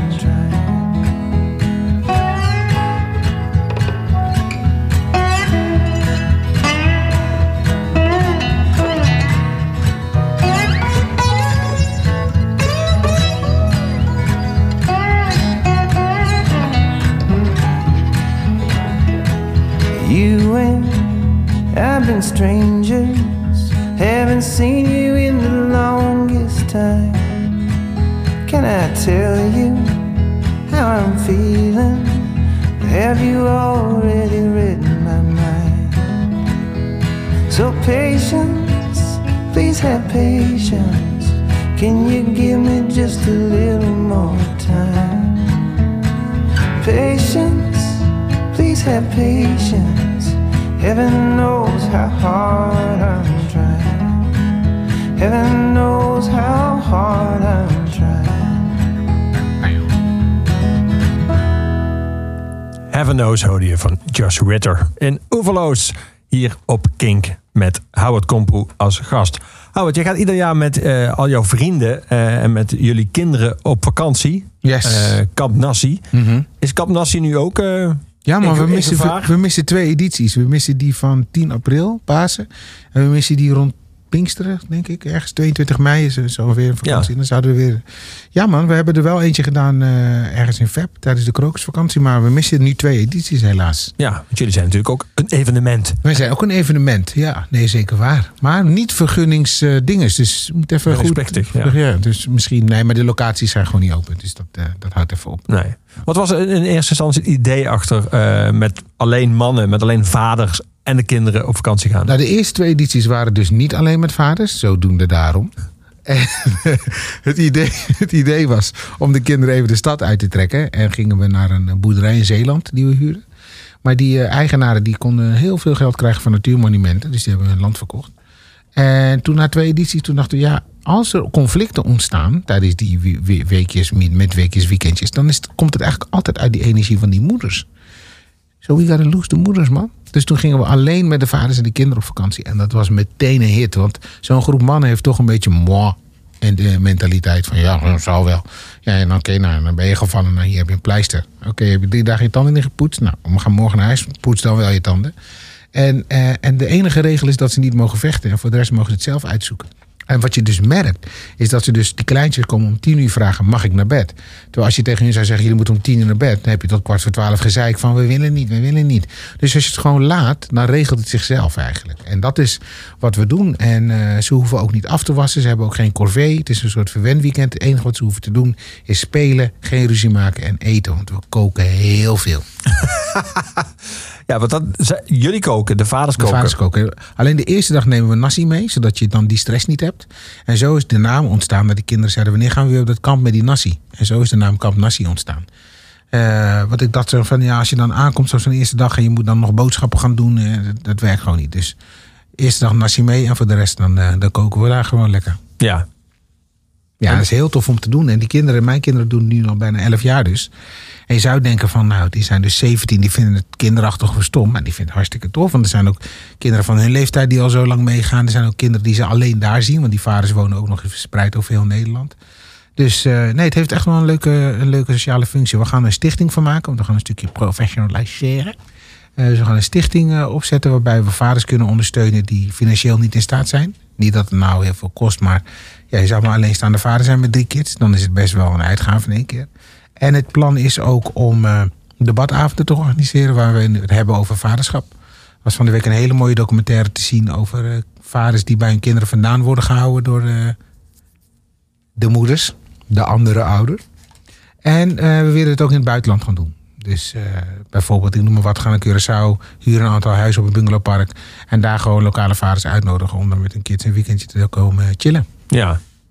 En jullie koken allemaal samen, of niet? Of is het om en om? Nee, dat is één groot georganise- ongeorganiseerde chaos. eh, waar we de laatste tijd wel steeds meer lijn in krijgen. En ik heb het geluk dat een aantal vrienden van mij chefs zijn. Dus die, die zetten dan wel een soort lijn uit in de keuken. Want ik kan me nog die tweede of derde editie herinneren zonder moeders. We gingen allemaal koken wat we lekker vinden. En om half elf kwamen die kinderen vragen van... hebben we al eten? En toen was oh ja, shit. En toen kregen ze patat met broccoli, want het was toevallig klaar. Dat, dat moeten we niet meer hebben. We moeten wel een klein beetje iets van stroomlijn erin. Die chefs Maar- vallen meteen in een beroepsdeformatie waarschijnlijk. Die gaan de keuken aansturen. Ja, ja, ja dat, eh, dat heb je wel nodig. Maar het is gewoon leuk. Kijk, niet alle vaders vinden het leuk om in de keuken te zijn. Dus een groep anderen zitten dan met die kinderen weerwolven te spelen. Of die, die met het kampvuur daar een beetje de boel in de gaten houden. We hebben één vader, Jacques, die is altijd heel fanatiek. Die gaat dan van die Rambo-wandelingen doen. Heeft hij van die camo-kleding bij zich en zaklampen en van die gezichtsschmink. En dan kunnen ze zo'n streepje onder hun oog zetten. En dan gaan ze dan om 11 uur, oeh, in het donker gaan ze dan het bos in. Ja, dat is gewoon hartstikke leuk. En vooral ook om die, die het zijn toch citykids die gewoon in beton opgroeien. Om die een paar keer per, eh, per jaar gewoon even in de biesbos neer te gooien. Dat is heel waardevol. En dan kunnen ze gewoon lekker zwemmen. En eh, ja, er zijn kinderen die daar voor het eerst ehm, te maken krijgen met brandnetels. Terwijl vroeger was dat schering en inslag, weet je wel. En dat er dan zo'n meisje heel beledigd naar het huis komt van... ja, hij zei dat hij eroverheen moest plassen. En die vader zegt, ja, klopt. Dat arme kind helemaal niet meer weet waar ze het zoeken moet, weet je wel. niet dat het gebeurd is, maar goed. Weet je, Ja. het, is, het is wel leuk om die kinderen gewoon uit hun, eh, uit hun betonnen habitat weg te halen. Ja. Was jij vroeger een stadskind? Ik ben wel in de stad opgegroeid, maar ik heb dus een aantal jaar in Hoenderloo gewoond. Dus dat heeft de boel behoorlijk gecompenseerd. Maar eh, ja, Rotterdam, Dordrecht, dat zijn wel de steden waarin ik ben opgegroeid. Ik ben 18 in Amsterdam gekomen. Ja. Dus eh, ja. Dus het bos en de natuur zijn ook niet per se de plekken waar jij nou het meest bent geweest altijd. Nee, nee, eh, apart van die, die paar jaar in Hoenderloo. Maar eh, ja, dat, ik denk dat dat misschien ook wel de reden was. Dat ik dat zelf in mijn jeugd enigszins gemist heb. Dat ik dacht van nou, als ik het een paar keer per jaar kan bieden, dan is dat leuk. En, eh, en je merkt dat het ook wel zo werkt. Ze vinden het echt te gek. En eh, ja, die, die, ze hebben een eigen groepsapp natuurlijk, zoals dat dan gaat.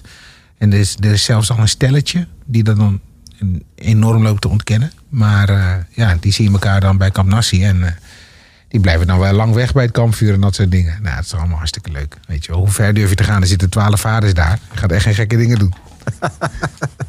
Had jij voornemens vroeger over jouw vaderschap? Had jij een beeld van wat voor vader jij wilde zijn? Nou ja, in eerste instantie dacht ik natuurlijk dat ik gewoon een, traditionele vader zou gaan worden met vader, moeder en twee kinderen. Dat is helaas niet gelukt. Ehm, maar ik ben ook wel achter dat het hem daar Aller, niet... allereerste instantie Ja. neem ik aan dat je dacht Ja. dat je vader zou worden van één kind. Ja, nee, zeker. En daar is iets fout gegaan. Want die gast was dus zo'n mannetje in opleiding. Die keek naar het scherm en die zei, oh oh. En dat is niet wat je wil horen als je voor je eerste echo gaat dat iemand oh oh zegt. Dus ik keek gespannen naar die gozer van, what the fuck? En toen zei ja, ik zie twee hoofdjes. En toen dacht ik, kut, dan kan je met de kermis mee om aan je knaken te komen. Weet je wel, kan je het niet op sterk water zetten, dan kunnen we nog wat mee. Maar eh, het bleek een tweeling. En ja, dat was wel pittig, want ik had volgens de regels netjes een kamertje af voor een baby. Maar ja, toen moest ik allemaal spullen bijkopen. Dus die gasten bij prenatal, die lachten zich rot. Die zeiden, hé, hey, ben je er weer? Maar eh, ehm, ja, ik had wel het idee om een vader te worden zoals mijn eigen vader is geweest toen, ik eh, jong was. Waarbij je humor en gezamenlijkheid gebruikt om die kinderen dingen te leren. Daar waar mijn moeder meer van de botte tucht was en eh, alle, al- allemaal dingen naar je hoofd gooien en vinden wat ze kon vinden. Dus die was wat explosiever. Ik heb een lieve moeder, daar gaat het niet om, maar gewoon iets meer temperament dan pa. Ja. En ik merk gewoon dat humor gewoon, gewoon een hele goede manier is om kinderen iets bij te brengen. Je kan eh, heel streng tegen ze doen, natuurlijk. Dan schrikken ze en dan zullen ze vast wel je regels volgen. Maar als je ze deelgenoot kan maken van het plezier, dan, eh, dan werkt het beter. Ja. Maar moet je, eh, ben je als ouder, als vader, sta jij naast je kinderen? Of zijn er momenten waarop jij nog steeds het gezag met twee Nee, hoofdletters moet naast zijn? staan. Ik ben toch de vader. Ik doe niet mee in die moderne bullshit van noem mij maar Howard. Nee, ik ben gewoon je vader. En, eh, en ik kan heel ver gaan en ik geef ze veel ruimte. Maar ze weten ook van oké, maar die ruimte is ongeveer tot daar.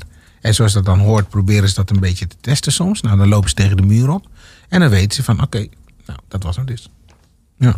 Ik Ja. denk dat het heel belangrijk is dat je heel helder bent. En heel duidelijk en heel consequent in het aangeven van wat je wel en wat je niet pikt. En dan, dan, dan, zijn, dan is de bandbreedte duidelijk. En dan kun je gewoon daarbinnen heel veel lol maken met z'n allen.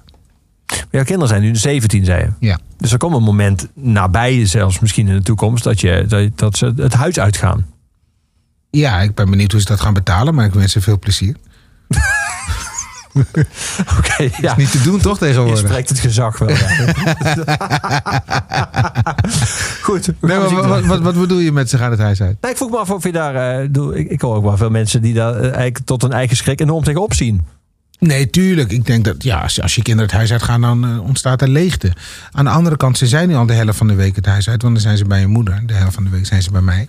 Dus eh, ik ben wel gewend aan eh, een deel van de tijd zonder hun.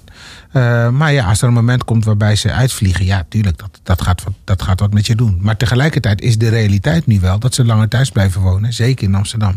Want het is gewoon niet te betalen. Nee. nee. Ja. En in deze tijden wonen ze gewoon even permanent thuis. Ja, precies. Ja. We gaan muziek draaien. We gaan naar Betty Wright luisteren. Eh, het, het opname 1978. Een live versie van A Song for You. Eh, lang en meeslepend. Waarom, waarom deze? Ja, dit is ook zo'n plaat die echt eh, symbool staat voor mijn jeugd.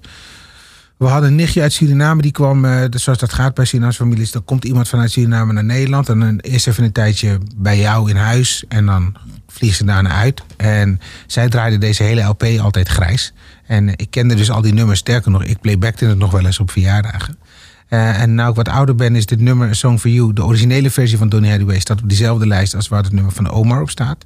Maar De lijst voor je begrafenis. Juist. Eh, mijn uitvaart, want ik weet niet wat er precies gaat gebeuren. Misschien eh, tegen die tijd kun je wel in een capsule naar de maan. En, maar ik vind de versie van Donny Hathaway, die kennen we wel. En ik vind de meeste poging tot cover zie je mensen toch heel hun best doen om dat te benaderen. Terwijl Betty Wright neemt, die gaat gewoon de eigen ding ermee doen. Die, die neemt het weg van de versie van Donny, ook muzikaal en qua arrangementen. En dat is waarom ik dit wel echt heel mooi vind.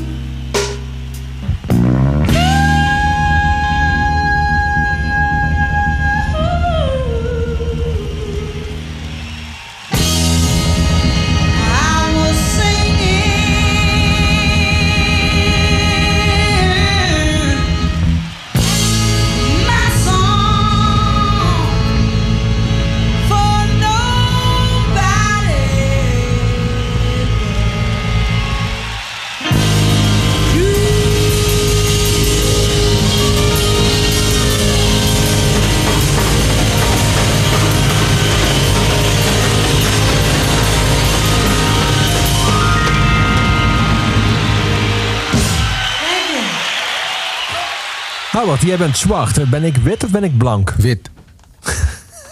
Daar hoef je niet heel lang over na te denken. Nee. Nee. Is dat eh, veranderd? Ja, dat is veranderd. Ja, vroeger eh, zeiden ze blank. Maar tegenwoordig eh, is het wit. Dus ja, dat lijkt me logisch. Toch? Weet ik niet. Ja, ik, het lijkt mij logisch dat je tegenover zwart wit zet. En dat je niet tegenover zwart blank zet. Dat is, dat is raar. Ja. Er is wel meer veranderd. Eh, het woord, eh, het N-woord, een Nederlandse woord neger, is, eh, is volledig uit gratie geraakt. Best wel snel ook. Voor mijn gevoel. Niet dat ik daar. Je had een stopwatch, had je, je hebt het geklopt. nee, maar so- soms, dat is soms redelijk snel veranderingen gegaan. heel Dat is langzaam. redelijk en soms gaan veranderingen opeens heel snel. Dit is een van die laatste, zou ik dan zeggen. Ja. Ehm, dat, het, het, het hele debat, we hadden net over culturele toe-eigeningen toen we het hadden over eh, maaltijden. Mhm. Maar het hele debat over identiteit en over, eh, over ook, ook, zeg maar, daarnaast het debat over, over gender. Eh, interesseert jou dat bovengemiddeld? Want jij bent. ik weet niet of het me bovengemiddeld in je bent en maatschappelijk geëngageerd en je bent comedian. Dus, dus Ben ik, ben ik maatschappelijk geëngageerd? Ja? Oké, nou goed. Dat is wel fijn om te weten. Nee, kijk, op me. vind je op- dat zelf, eh, jawel, maar ik, ik, het is niet. Kijk, ik vind mensen die zeggen over zichzelf dat ze maatschappelijk geëngageerd zijn, vind ik altijd dan lastig. ja, daarom zeg ik het maar. Dus be about it. Ehm, ehm, op mijn Facebookpagina gebruik ik nog wel eens de hashtag stukje duiding, waarbij ik sociaal-maatschappelijke dingen een beetje aan elkaar probeer te stellen. Ehm, eh, maar wat was nou precies je vraag? Of ik Daar... daar. de onderwerpen waar jij veel mee bezig bent of het jou interesseert. Het interesseert me. Ik weet niet of ik er veel mee bezig ben, want ik weet niet waar daar de normering bij is. Maar eh, ja, het houdt me wel bezig. Vooral omdat ik eh, in een stad woon waar het aan de hand is. Ik zit in een beroepgroep waar het aan de hand is. Ik heb gemixte kids. Dus voor mij is het wel een issue. Is het Ja. wel een onderwerp waar ik eh, vinger aan de pols probeer te houden. En kijk welke verschuivingen en bewegingen er, er plaatsvinden. Ja. Nu merk je ook, jij zoekt ook wel debat op eh, op jouw social media. Met een stukje duiding bijvoorbeeld. Mhm. En dan krijg je opeens, laatst kreeg je van iemand de kritiek van... ja, maar jij maakt zelf voor witte mensen grappen over eh, Marokkanen bijvoorbeeld. Dan ging je erop door van, ja, maar hoe lang heb jij al een show van mij gezien? Volgens mij heb je de laatste vier shows niet gezien. Precies. Ehm, merk je dat, eh, is, is voor jouw gevoel humor een soort mijnenveld geworden? Moet je uitkijken, ook zelf, waar je Oh, krijg die weer van, je kan niks zeggen. Nee, de- Nee, nee die, is- die, die is onzin. Eh Mijnenveld, dat maak je er Grappig zelf dat, je van. nu, al- grappig dat je daar nu al zo op reageert. Dat is gewoon Ja. een open vraag. Of, nee, begrijp ik, begrijp ik. Maar dat komt omdat ehm, eh, die, die vraag krijg je de laatste tijd heel vaak. Hè? Dat mensen zeggen van ja, maar kan je nog alles zeggen? Ja, je kan alles zeggen. Mijn standpunt over dit onderwerp is de volgende. Als jij grappen wil maken over iemand, probeer het zodanig te doen dat diegene meelacht. Dan vind ik dat je het goed hebt gedaan. Als het ten koste van diegene gaat, als diegene met een bepaalde emotie, negatieve emotie, wegloopt, waarom zou je dat doen? Wat is, daar, wat is daar de meerwaarde? Dus als ik een grap maak over een Marokkaan, is het mijn doel om die Marokkaan mee te laten lachen. Dan lachen we samen om de grap. Als ik een grap maak om een Marokkaan en hij is boos, heb ik het voor mijn gevoel niet goed gedaan. Nou, en dat is hoe ik in deze hele discussie sta. En dat is ook hoe ik met het onderwerp probeer om te gaan. En tuurlijk, je zal altijd wel bepaalde mensen tegen de haren instrijken. Dat is bij jou moeilijk. Maar eh, ja, dat, Heel beledigend dit. dat neem ik dan maar op de koop toe, weet je wel. dus eh, dus dat. Ik, dat, is, dat is gewoon hoe ik erin sta. Je, je kan over alles grappen maken, maar bedenk je, wat wil je nou precies zeggen met die grap? En, en de mensen die nu hard roepen van ja, je kan niks meer zeggen. Dat zijn voor een heel groot deel mensen die de hele tijd alles zeggen. Dus ja, dat is gewoon gek. Ja, ik vraag het ook omdat ik me afvraag in hoeverre jij eh, vindt dat eh, ras of gender eh, of, of culturele achtergrond heel bepalend is voor wie je bent. Ik vraag dat omdat jij zelf op kostschool hebt gezeten. Je zat op even op een kostschool waar allemaal kinderen zaten die uit hele goede gezinnen kwamen. Uit rijke gezinnen, uit bevoorrechte gezinnen, uit grote ondernemersgezinnen. Ik zou me kunnen voorstellen dat bij die kinderen dat hun dat, dat jij daar het gevoel had, of dat, je, dat ik dat zou vinden, dat hun kostje wel een soort van gekost, gekocht is als je, als je vader in de quote 500 staat. Is ook zo, ja. Of je op sociaal-economisch gebied waarschijnlijk niet heel veel zorgen te maken. Nee, klopt. Nee. Was jij daar, hoe voelde jij het? Had jij het gevoel dat dat een grote rol speelde? Of niet? Of was dat in die, op die leeftijd nog helemaal niet het geval? Nou kijk, die kostschool was een kunstgreep van mijn ouders om mij toch te, in het gareel te houden. Ik ben toen eh, in de paasvakantie van het tweede jaar middelbare school daar naartoe gegaan.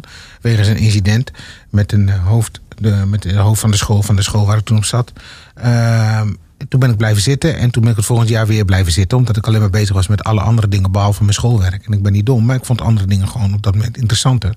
Vooral omdat je daar in een mini-biotoop zit. Twee weken achter elkaar met z'n allen daar. Dan een weekend huis. En dan weer twee weken daar.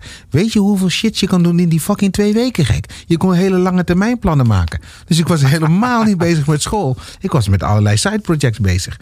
Nou, je bent dan 15 en je snapt de waarde van geld nog niet voldoende om te begrijpen dat mijn ouders toen best wel ribben uit hun lijf hebben moeten betalen om op die kostschool te hebben. Ja, want het is particulier en duur. ja, precies. Daarna zeiden ze nou, we bemoeien ons er niet meer mee. En ik was nog, hoe noem je dat? Ik had nog leerplicht, maar ik moest het zelf doen.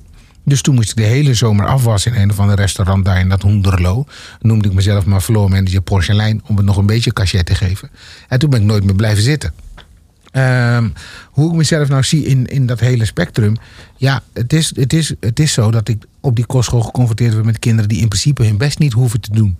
En misschien dat ik daarom dacht van, oh ja, kan ik ook een beetje achteroverleunen. Terwijl mijn situatie is niet vergelijkbaar met die van hun. Uh, maar hoe ik dat nou weer moet verbinden aan het, het, het diversiteitsvraagstuk van nu of het gendervraagstuk van nu, is me niet helemaal duidelijk.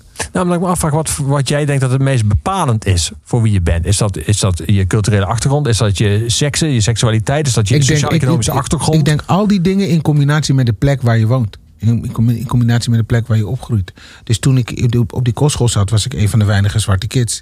Uh, dus de, dan, dan, dan, dan is je referentiekader en je herkenning in je directe omgeving is anders dan wanneer je opgroeit in Amsterdam. Toen ik op het Amsterdamse Lyceum terecht kwam, zag ik voor het eerst zwarte kids op een, op een VWO-opleiding. Dat had ik nooit eerder gezien, omdat de plekken waar ik daarvoor woonde, betekende je huidskleur automatisch dat je niet verder werd geschat dan MAVO. Terwijl in de bij stad. School, bij het schooladvies, zeg ja, maar. Ja. ja. terwijl in de, in de stad, ja, daar, daar zijn die dynamieken anders. Dus toen dacht ik, hè, zwarte kids op het VWO? Hoe dan? Ik vond het, dat was voor mij een noviteit. Uh, dus, dus daarom zeg ik dat al die voorgenoemde factoren, de door jou genoemde factoren, zeker een rol spelen. Maar absoluut uh, een bepaalde factor daarin is de plek waar je opgroeit. Ja, ja het waar. Ik bedoel, het zegt veel over je. Ik ken mensen die, die kijken me dan aan en die zeggen dan... Uh, nou, ik ben hardcore Amsterdammer. Maar als je zo hoort praten, dan hoor je dat er niet aan vanaf. Maar die zijn wel hardcore Amsterdammer, want daar geboren en getogen. Dus die maken een andere, een andere reis dan iemand uit de Jordaan of zo. Of een, een andere volkswijk. Uh, en daarbij zie je dat bepaalde factoren, als op welke school heb je gezeten, met welke mensen heb je je omringd toen je opgroeide, die hebben allemaal invloed op hoe je uh, volwassen wordt en de persoon wie je dus uiteindelijk wordt. Ja, als, dus, kinderen, als jij met je kinderen naar Hoenderlo was gegaan, waren het hele andere kinderen ook geworden dan in Amsterdam. Nee, zeker waar. Absoluut. Ja. ja. ja. Maar in Hoenderlo moet je dus naar de middelbare school in Apeldoorn of Ede of Arnhem. Dus ja, dat heeft ook alweer invloed. Ga je naar Ede, dan word je dus geconfronteerd met, me met meisjes die geen broek mogen dragen. 2020. Nou, ik, een van mijn twee dochters, die krijgen met geen stokslagen in een jurk. Dus dat wordt heel spannend. ja. ja. We gaan heel ver terug in comedy-tijd. We gaan terug naar een one-man show uit 1980. Ja. Uh, 40 jaar geleden van uh, Toon Hermans. Um, als ik, als ik jou vraag naar de, de. We hebben het straks over muziek gehad. En welke mensen jou muzikaal hebben gevormd. Maar als ik jou vraag naar de mensen die jou op het gebied van comedy hebben gevormd. Uh, was Toon Hermans daar dan één van? Zeker. Want ik ben natuurlijk gewoon in Nederland opgegroeid. En ik kan wel hele stoere verhalen gaan houden over Eddie Murphy en Richard Pryor. Die daar zeker ook een, een rol in hebben gespeeld. Maar die kon ik pas volgen toen ik Engels snapte. Dus daarvoor moest ik het doen met uh, uh, Van Duin. En Wim Sonneveld, Wim Kan waarschijnlijk. Ja, Geikema. Ja, Seth Geikema. En, uh, en vandaar dat ik dus voor dit fragment heb gekozen. Omdat dit echt aan de basis ligt van wat ik begreep van comedy. Dat ik zag van wauw, deze man is met die hele zaal aan het spelen. Zijn Want timing. Hoe, hoe, hoe kwam dat bij jou binnen? Zag jij die conferentie toen op tv als kind? Of had, je, had jouw oom die plaat ook in zijn uh, collectie? Volgens mij heb ik het toen gehoord en later ook eens gezien. Uh, want ik weet nog dat ik verbaasd was over dat je, als je het fragment ziet, zie je dat hij lol heeft. Je ziet die smurk op zijn bek van, ja man, ik heb deze zaal nu bij, bij de ballen. En dat fenomeen, daar keek ik naar. Dat je dus met, met praten, dus niet met een instrument of zo, maar met praten zo'n hele zaal kan dirigeren. Ja, dat, dat had vanaf het begin af aan mijn aandacht, mijn volle aandacht. Ja, het fragment dat we gaan luisteren is, uh, uh, inclusief de inleiding, wat ruist door het struikgewas. Ja. Uh, dat is lang in tijd, maar ook lang in hoeverre hij durft te rekken. Zo, niet normaal. Dus. Zijn ja. timing is echt waanzinnig. En dat is wat ik bedoel. Hij heeft die zaal. Hij kan met ze doen en laten wat hij wil. Hij heeft ze bij de strot en hij veegt de vloer met ze aan. en ja, toch met liefde en met, met humor. Ja, dit is echt een geniaal, geniaal fragment. Ja. Is dit ook is dit het hoogst haalbare in comedy als je dit hebt? Zeg maar dat je de zaal zo hebt dat je 8 minuten 22 eigenlijk één grap kan blijven uitsmeren. En dat ik denk het blijft wel. werken. Ik denk het wel. Het, is wel. het was nog wel een andere tijd hoor. Ja. Het was ook wel. Je, je komt nu niet weg met acht minuten lang dezelfde shit. Want er zijn mensen al lang weggesapt, al is het in hun hoofd. Dus eh, je moet het wel in dat perspectief plaatsen. Ja, ja. Maar het feit dat je dat voor elkaar krijgt. En die hilariteit die je ook hoort. Dat op een gegeven moment beginnen mensen al te lachen als hij inademt. Weet je wel, heeft er nog niks gezegd. Maar je weet, hij, hij komt weer met iets. En ja, je, je gaat gewoon voor de bijl. Ja, we gaan hem luisteren. Het is een one-man show 1980, inclusief de inleiding. Hier is Toon Hermans. Mensen, je hebt hoge pieten, lage pieten en u zegt het maar. Je hebt grote artiesten en je hebt kleine artiesten. Maar ik kan u verzekeren dat vrijwel alle artiesten uit deze tijd... eh, vrijwel alle artiesten uit deze tijd... die worden als het ware gemaakt, opgericht zou je kunnen zeggen... in de televisiestudio's. En daarom schakelen we even over naar de tv... waar ze nog altijd verlegen zitten om nieuw talent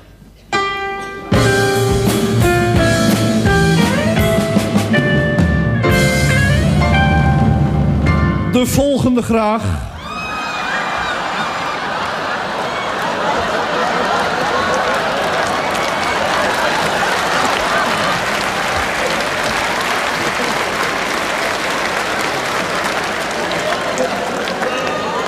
Wilt u duidelijk in de microfoon spreken als het kan? Jazeker, jazeker. Hallo. Ik kom proefzingen voor de tv. Mijn naam is Verkade. Frits Verkade. Ik ben onderwijzer in Os. Bent u nog familie van de grote verkade? De toneelspeler? Nee, is geen familie. Ik ben nog niet eens familie van de lange vingers.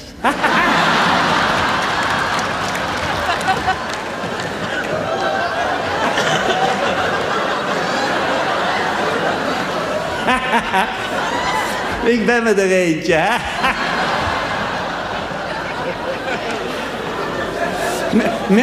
U, zit daar zo hoog in de controlekamer. Maar met wie heb ik het genoeg als ik vragen mag? Mijn naam is Jack Bemelmans. Oh, meneer Wemelmans, bent u het zelf? Een compliment voor de shows die u op het scherm brengt, want die gaan erin als koek. Waarin bedoelt u? Waarin? Ja, dat weet ik ook niet, hè. Maar dat zeggen ze zo in de volksmond. Ze gaan erin als koek. Meneer Verkade, Ja. u kunt beginnen. Ja, mag ik nog even zeggen, eh, voordat ik begin, meneer Bemermans. Ik ben hierheen gekomen om proef te zingen vanwege het hoofd. Welk hoofd bedoelt u? Het hoofd der school. Dat is ene meneer Verkoude. Ja, dat is heel geestig. Hij heet Verkoude en ik heet Verkade. En daar heb ik laatst een leuke woordspeling gemaakt. Toen zei ik, u heet Verkoude, ik heet Verkade. Ik kan wel verkouden zijn, maar u kunt nooit Verkade zijn.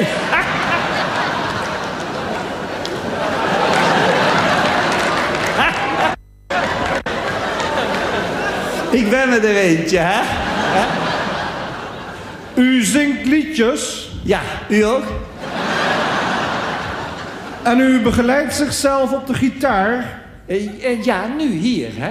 Maar op school niet. Dan word ik begeleid door de juffrouw van de tweede klas. Dat is ene juffrouw van voren.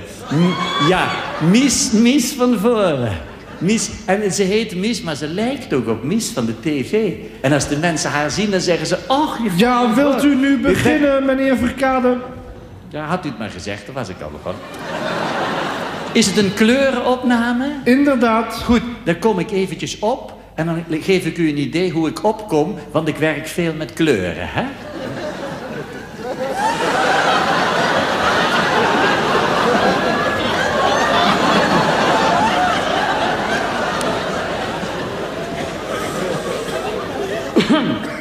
Als ik op de buis ben, dan wilde ik graag zo beginnen. Niet hoesten natuurlijk, dat is nu een beetje zenuwachtig. Eh, beste kijkers, als eerste liedje... Meneer Verkade, Ja, we hebben maar tijd voor één liedje. potverdorie. Potverdorie nog eens aan toe, zeg. Ik heb er, ik heb er vier ingestudeerd. Eén liedje graag. Godverdorie. Nog eens aan toe, zeg. Ja, potverdorie. Nog eens aan toe, zeg. Potverdorie nog eens aan toe. Ik heb er vier. Potverdorie. Ik heb er vier in. Potverdorie nog eens een... Ja, potverdorie. Nou, dan zing ik gelijk het laatste. Meteen het laatste. Potverdorie.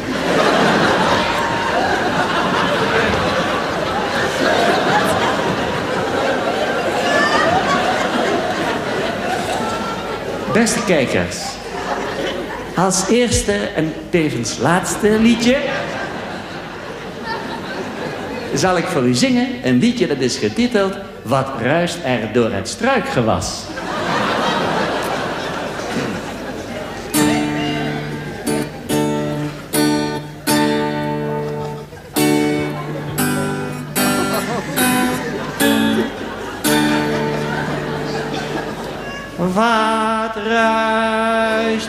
Door het struikgewas?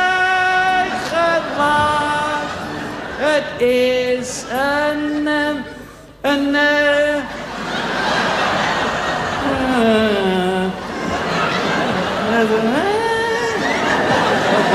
Ogenblikje, wacht. Wat ruist er door het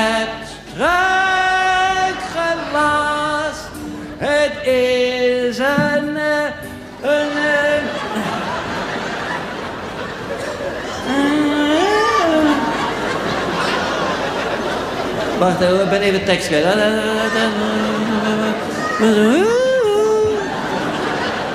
Wat, wat ruist er door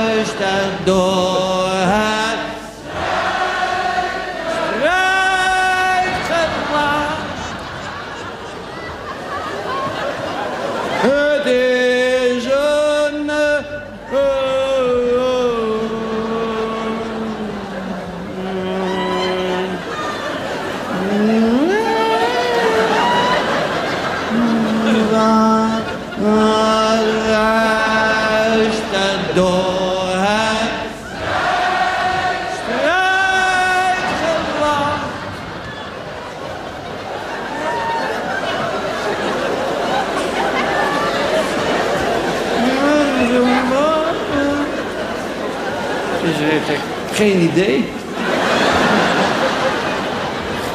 Het is, het is een heel klein dingetje, zo'n lang dun dingetje. Het is een lang dun ding. Ik zie het zo. Ja, dat kan ik niet zingen. Meneer Verkade, Ja, uw tijd is om. ja, dat dacht ik wel. Ik ben helemaal in de war geraakt. En moet je nagaan, ik heb wel honderd keer gezongen... Wat ruist er door het struikgewas? Het is een... Ik heb hem, ik heb hem. En wat ruist er door het struikgewas? Het is... Wil ze nu het lokaal verlaten met het oog op de volgende debutant? Potverdorie nog eens aan toe.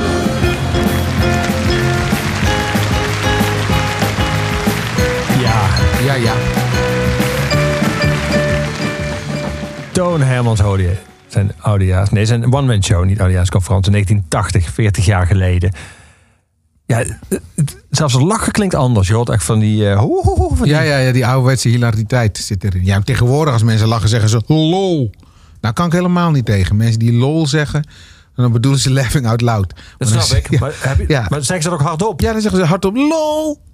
dan, dan wil ik dingen gooien. Weet je wel? Ja, dat kan niet meer man, tegenwoordig. Of, of ze roepen ik ga stuk. Terwijl ze blijven compleet intact. Dat is ook niet helemaal waar, toch? Wat raar om überhaupt eh, zeg maar, naast het lachen een soort geluid te maken dat Ja. benoemt wat je... Ja, ja, ja, het is heel heftig. Maar dat is nu, man. Dat is eh, dankzij het gediep de hele dag. Ze zeggen jongeren lezen niet meer. Maar als je kijkt wat ze weglezen op WhatsApp, ze lezen heel veel.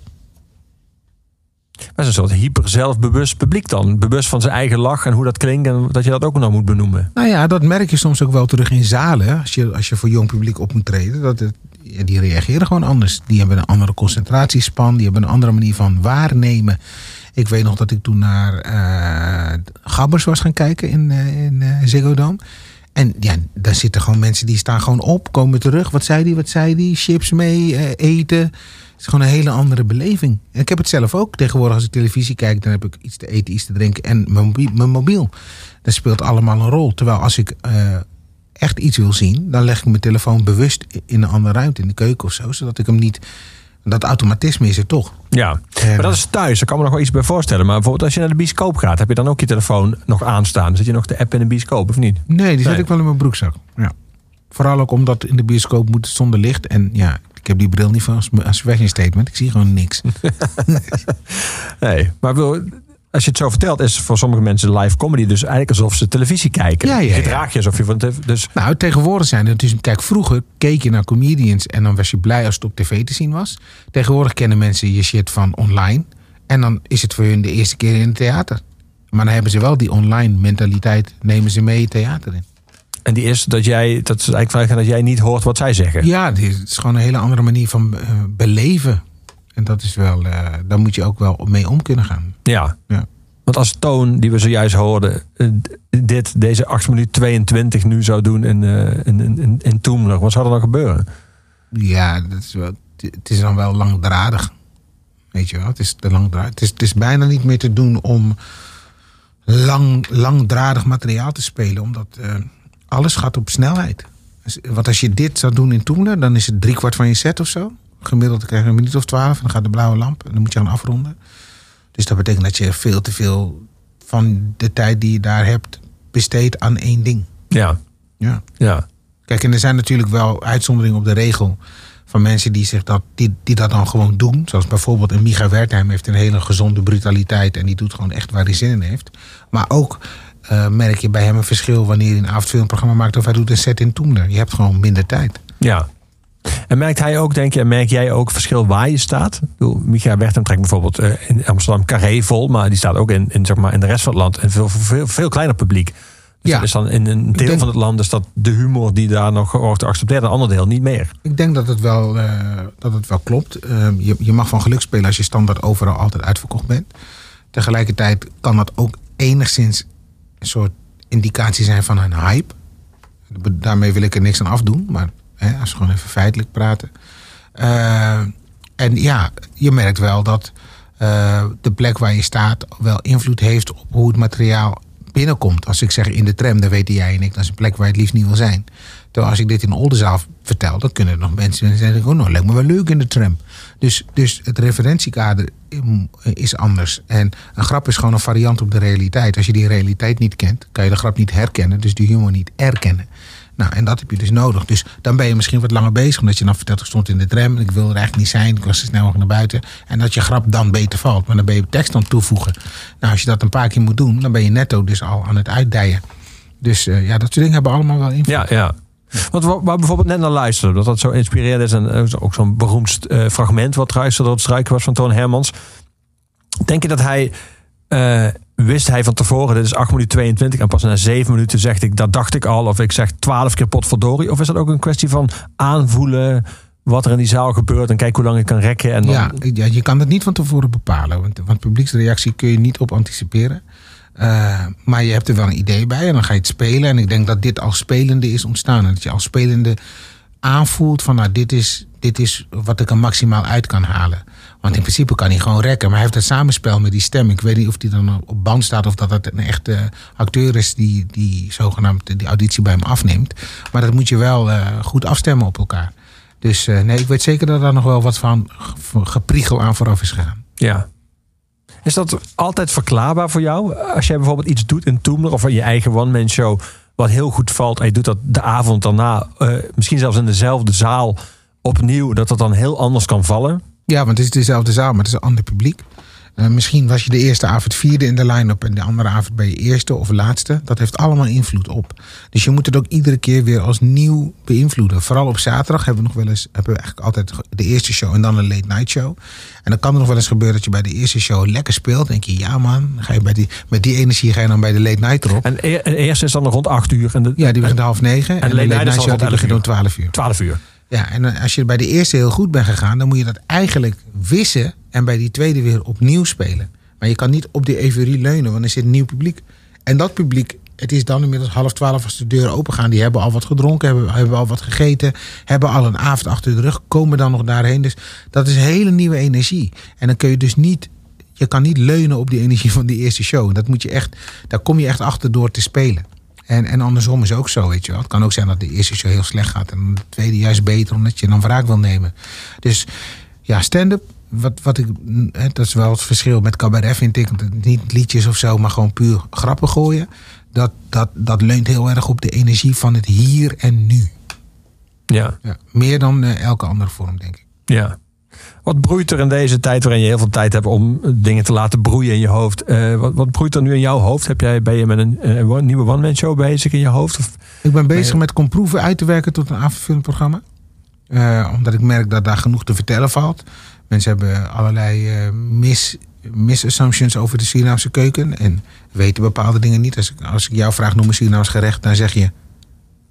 Als ik jou vraag noem een Surinaams gerecht, dan zeg je... Kousenband. Kousenband. Nou, dat is een groente. Dat is nog niet eens een gerecht. Maar, snap je? Dus ik vind het wel interessant om te zien wat ik, wat ik kan doen met koken en comedy op het podium. En daarmee breng ik ook twee dingen die ik heel leuk vind om te doen eh, samen. Dus daar ben ik mee bezig. Ik ben bezig met dat one-liner concept nog steeds. Om te kijken wat we ermee kunnen doen.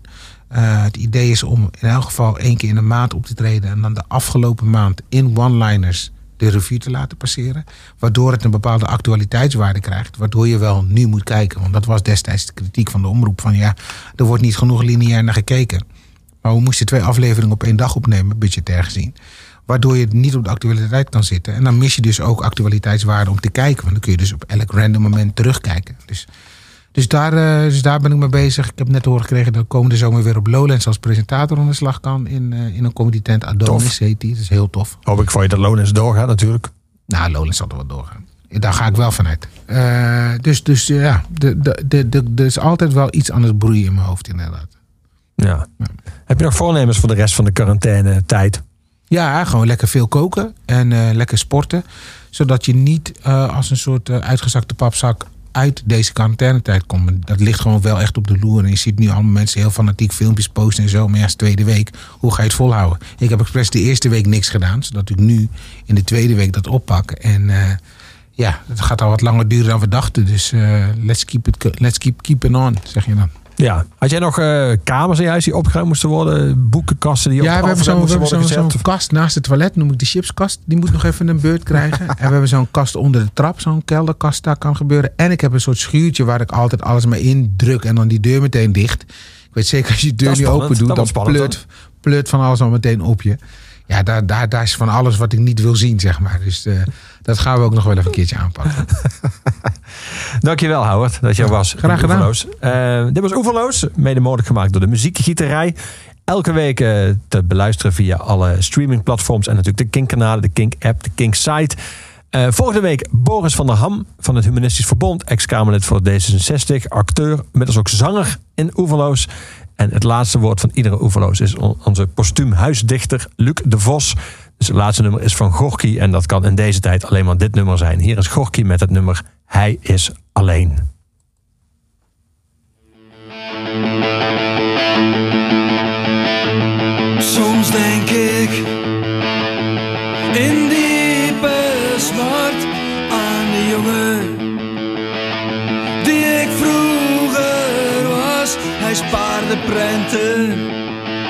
Hij deed niemand kwaad.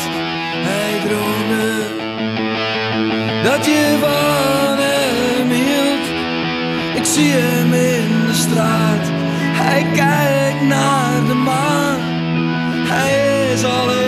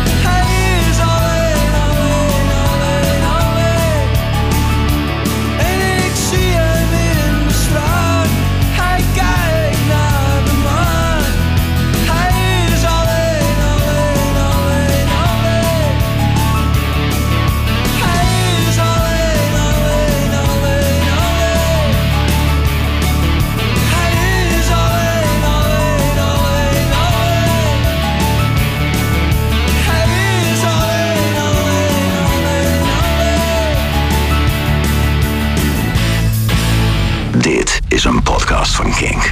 Voor meer podcasts, playlists en radio, check kink.nl.